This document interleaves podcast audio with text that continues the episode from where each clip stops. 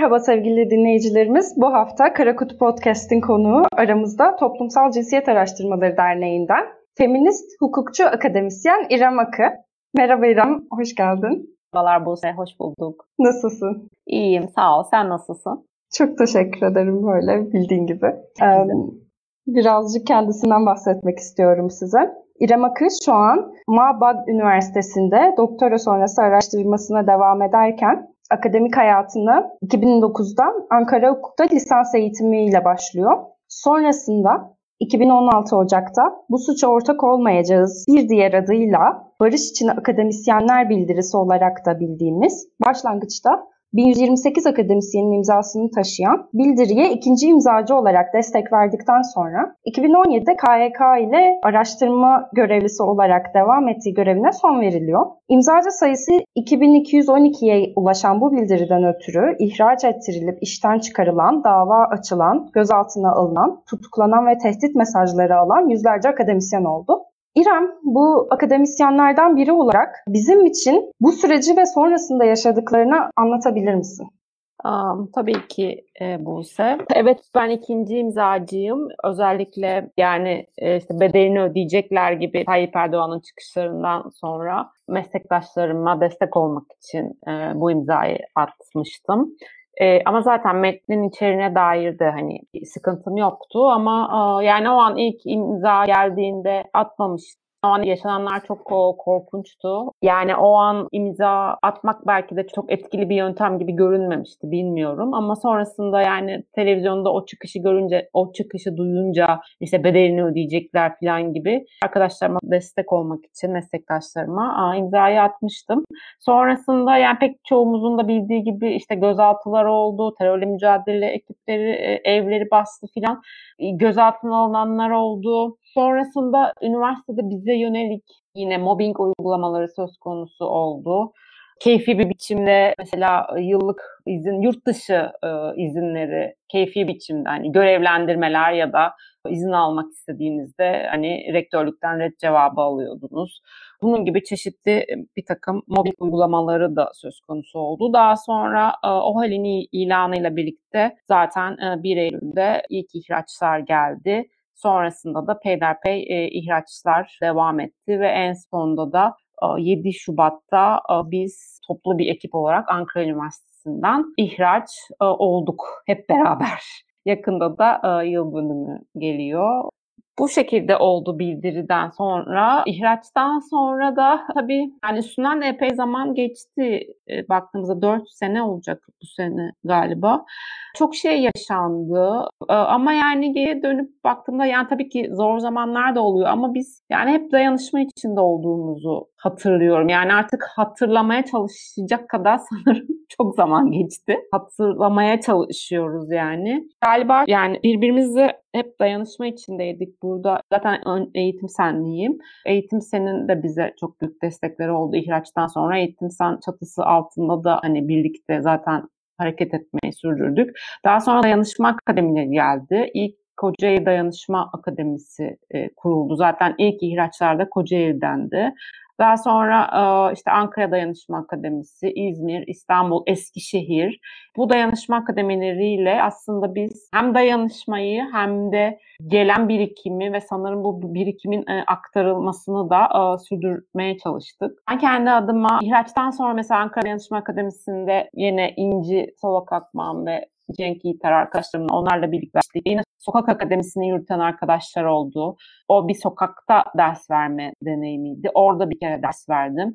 Yani bütün bunlar aslında güç güçlendiriyor sanırım hepimizi. Farklı yerlerde, farklı mekanlarda dersler verdik. Yani bu bile gerçekten güçlendiren bir deneyim ve çeşitli insanlara da ders anlattık. Hani üniversitedekinden farklı bir deneyimdi. Hani adada düzenli ders veren arkadaşlar daha da iyi bileceklerdir. Biz sadece e, bir dönem ders verdik ya da adanın e, Ankara Dayanışma Akademisi, diğer dayanışma akademilerinin yani bir kurumsallığı var. Artık o kurumsallık oturdu ve onun devam ettirmek yani hem çok güç bir şey olmalı hem de bizi de güçlendiren bir şey olduğunu düşünüyorum. Yani bu süreç evet çok zor bir süreçti. Özellikle aşağıdaki arkadaşlarımız çok ciddi tehditlere maruz kaldılar. Şehri terk etmek zorunda kaldılar. Hani an güvenlikleri tehlikede olduğu için işte çocuklarını gözeterek yani çocuğun olması durumunda hani daha da tehlikeli oluyor her şey.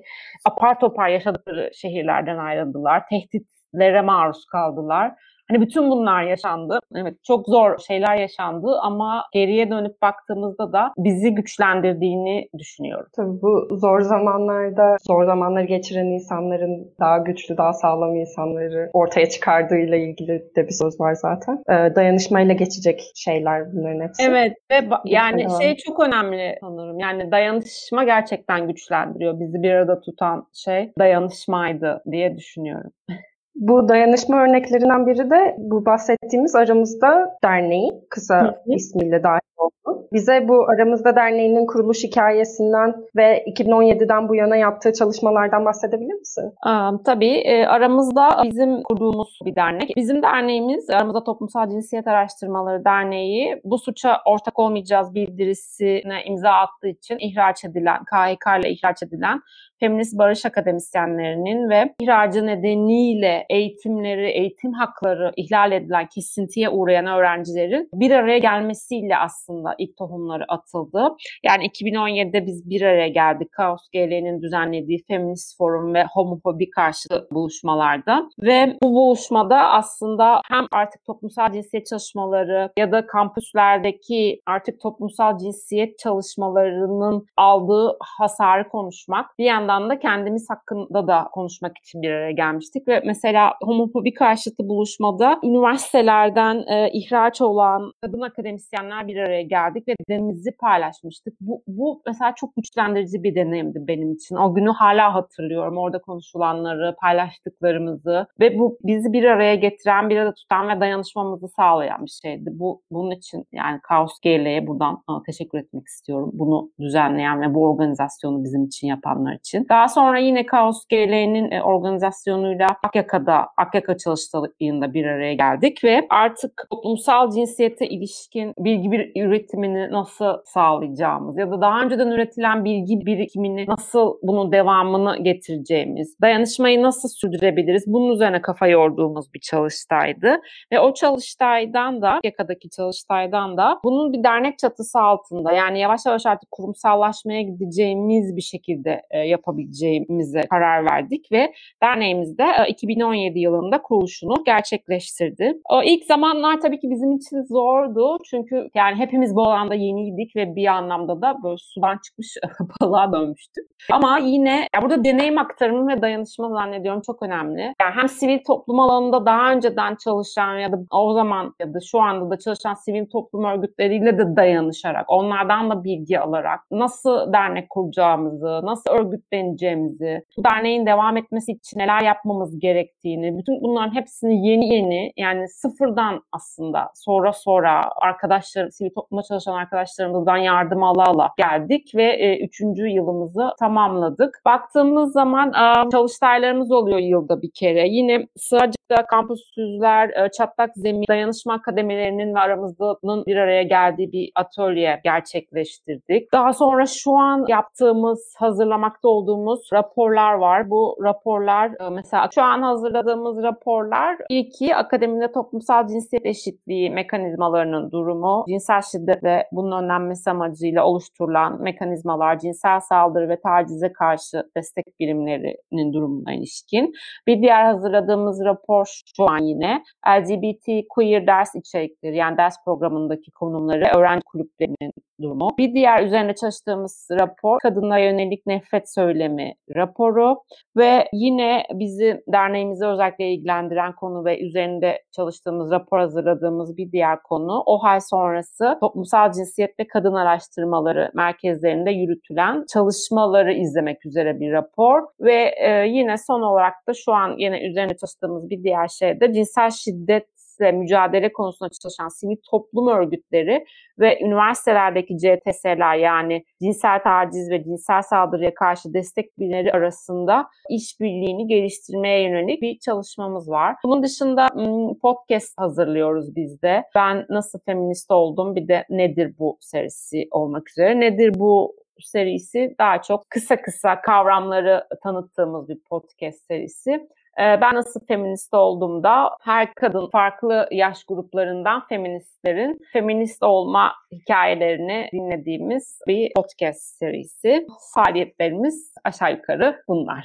bir de söyleşilerimiz oluyor o iki haftada bir aramızda söyleşiler adıyla. Faaliyetlerimiz bu şekilde daha çok toplumsal cinsiyet alanında yani ihraçlardan sonra pek çok cinsiyet alanında çalışan çok hoca, araştırma görevlisi yani henüz daha yeni yeni yüksek lisansını, doktorasını yapan arkadaşlarımız ihraç oldular ve bu alanda bir boşluk oluştu ve biz aslında yani üniversitede yaşanan bir tabat var. Hem bizim bir e, yerinden edinmişliğimiz var. Bu ikisinin üstesinden nasıl gireriz? Bu amaç dediğim gibi yani akademik olarak bir şeyler üretmeye, bunu devam ettirmeye, bir araya gelmeye çalıştığımız bir yer aramızda. Çok teşekkür ederim bu bahsettiğin çalışmaların hepsi güncel ve kritik çalışmalar. Bu arada podcast'ini de dinleme fırsatım oldu. Çok keyif aldım. Eminim dinleyicilerimiz de çok seveceklerdir. Bir bakın derim. Teşekkürler. Rica ederim. Ne yazık ki ta o günden bugüne akademinin yakasından düşülmedi. Hepimiz bu süreçte Boğaziçi'de yaşanan ihlalleri elimiz yüreğimizde takip ediyoruz. Daha geçtiğimiz gün Gül LGBT Boğaziçi Öğrenci Kulübü kapatıldı. Bunun dışında bu cinsel yönelim ve cinsiyet kimliği üzerinden hedef gösterilen öğrenciler var.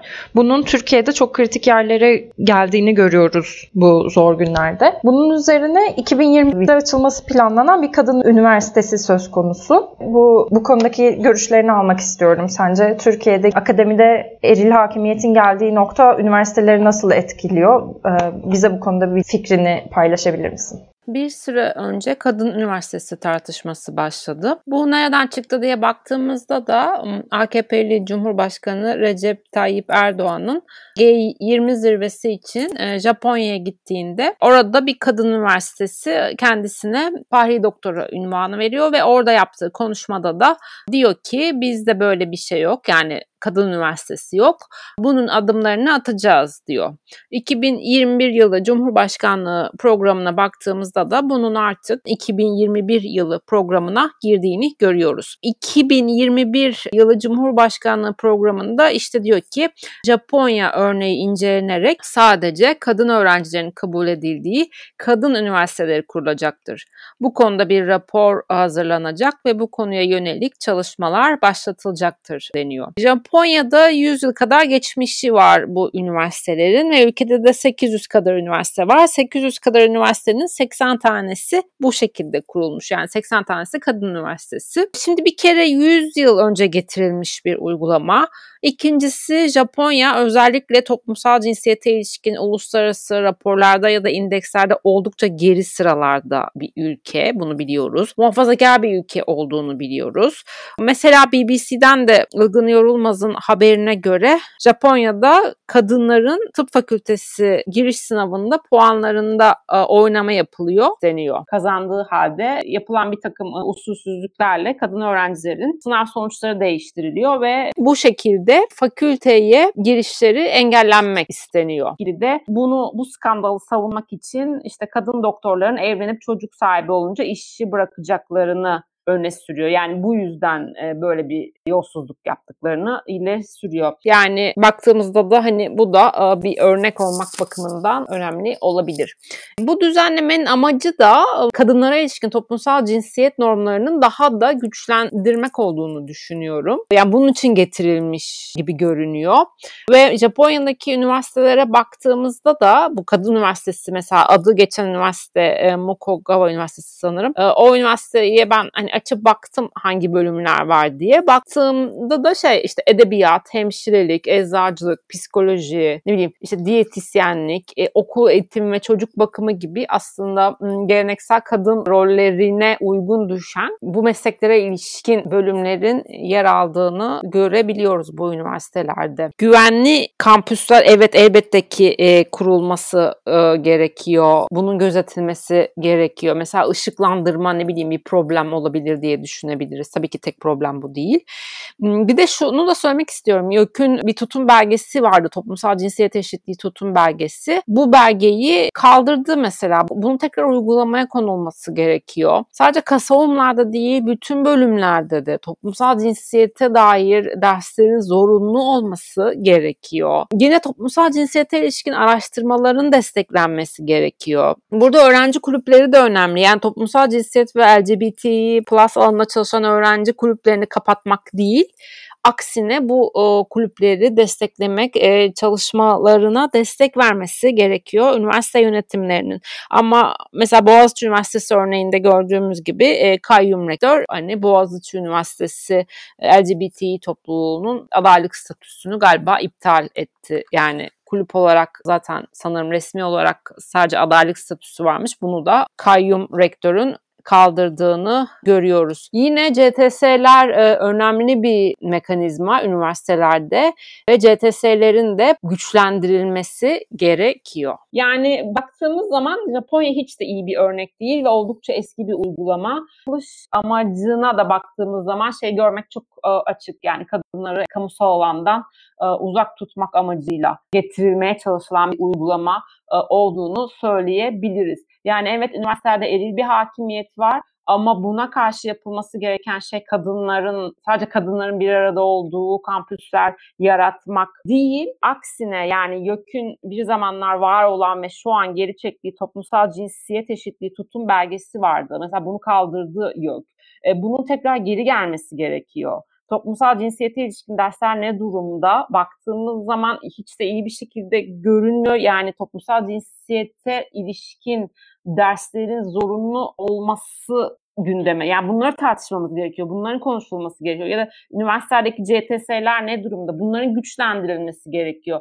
Hem güçlendirilmesi hem yani CTS'lere başvuruların olması, CTS'lerin güçlendirilmesi, kendine özgü bir sekreteryasının, personelinin olması. Yani bunlar üzerine düşünmemiz, bunları kuvvetlendirmemiz gerekirken e, kadın üniversitelerinden konuşmak, ya bundan bahsetmek hiçbir sorunu çözmeyecek. Aksine kadınları da dediğim gibi yani kamusal alandan nedir dışlamak amacıyla getirilmiş bir uygulama ve kabul edilemez. Yani burada yapılması gereken İstanbul Sözleşmesi'nin sıkı sıkıya sahiplenilmesi, yine 6284 sayılı yani ailenin korunması ve kadına karşı şiddetin önlenmesine dair kanunun uygulanması. Yani bu kanun evet elimizde var ve bu önemli bir araç ama uygulanması noktasında gerçekten çok büyük sıkıntılar var. Bunların ıı, üzerine gidilmesi gerekiyor. Yap, yapılması gereken şey bu. Yoksa kadın üniversiteleri açmak değil. Ya da mesela İstanbul Sözleşmesi'nin getirdiği, devletlere getirdiği yükümlülüklerden bir tanesi de toplumsal cinsiyete ilişkin kalıp ön yargıların kırılması. Yani bu ön yargıların kırılması için bir takım çalışmalar yapılması gerekiyor. Yani kadın üniversiteleri kurmak değil e, burada yapılması gereken şey. O yüzden kesinlikle karşısına durmamız gerekiyor. Üniversitedeki eril zihniyet de yani hem öğrenci arkadaşlar için hem çalışanlar için yani e, cinsel tacizin, baskının, mobbingin olmadığı bir üniversite ortamının yaratılması gerekiyor. Bunun için de az önce de saydığım gibi yapacak, üzerine çalışmamız gereken şey CTS'ler, İstanbul Sözleşmesi'nin uygulanması, kabul görmesi değil yani kaldırma konuşmaları yani sıkı sıkıya sahiplenilmesi gerekiyor. Yine bahsettiğim gibi 6284 sayılı kanun bir zamanlar var olan tutum belgesinin e, geri gelmesi yani bunlar üzerinde durmamız, bunları tekrar kazanmamız ya gerekiyor ya da devletin yani tekrar bunları nedir uygulamaya sokması gerekiyor. Yani tutum belgesinin tekrar gelmesi gerekiyor kısaca. Evet tabii yani uygulamaya sokulduktan sonrasında bir de bunun kontrol mekanizmasının gelişmiş olması gerekiyor. Yani bu burada tabii. var diyor. Gerçekten burada var mı? işliyor mu? Evet.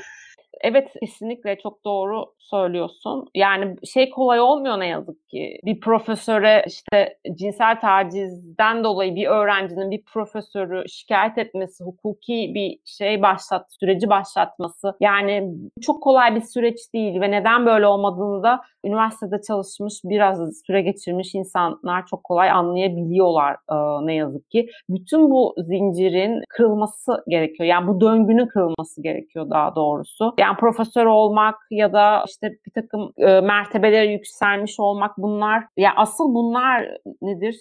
Cinsel tacizi, e, cinsel saldırıyı daha da e, kolaylaştıran e, konular. E, insanlar bunlara dayanarak yapabiliyorlar. E, cinsel taciz ya da cinsel saldırı da e, bu, bu noktalar avantajlı konular ve üzerine gitmek de ne yazık ki zor oluyor. Yani bu, bunların mücadelesi verilmesi gerekiyor. Yoksa kadın üniversiteleri değil yani çözüm. Evet İrem. Çok teşekkür ederim. Ağzına sağlık. ben teşekkür ederim davet ettiğiniz için. Ne demek? Umarız daha güzel günlerde tekrar birlikte görüşmek üzere. Teşekkürler. Görüşmek üzere.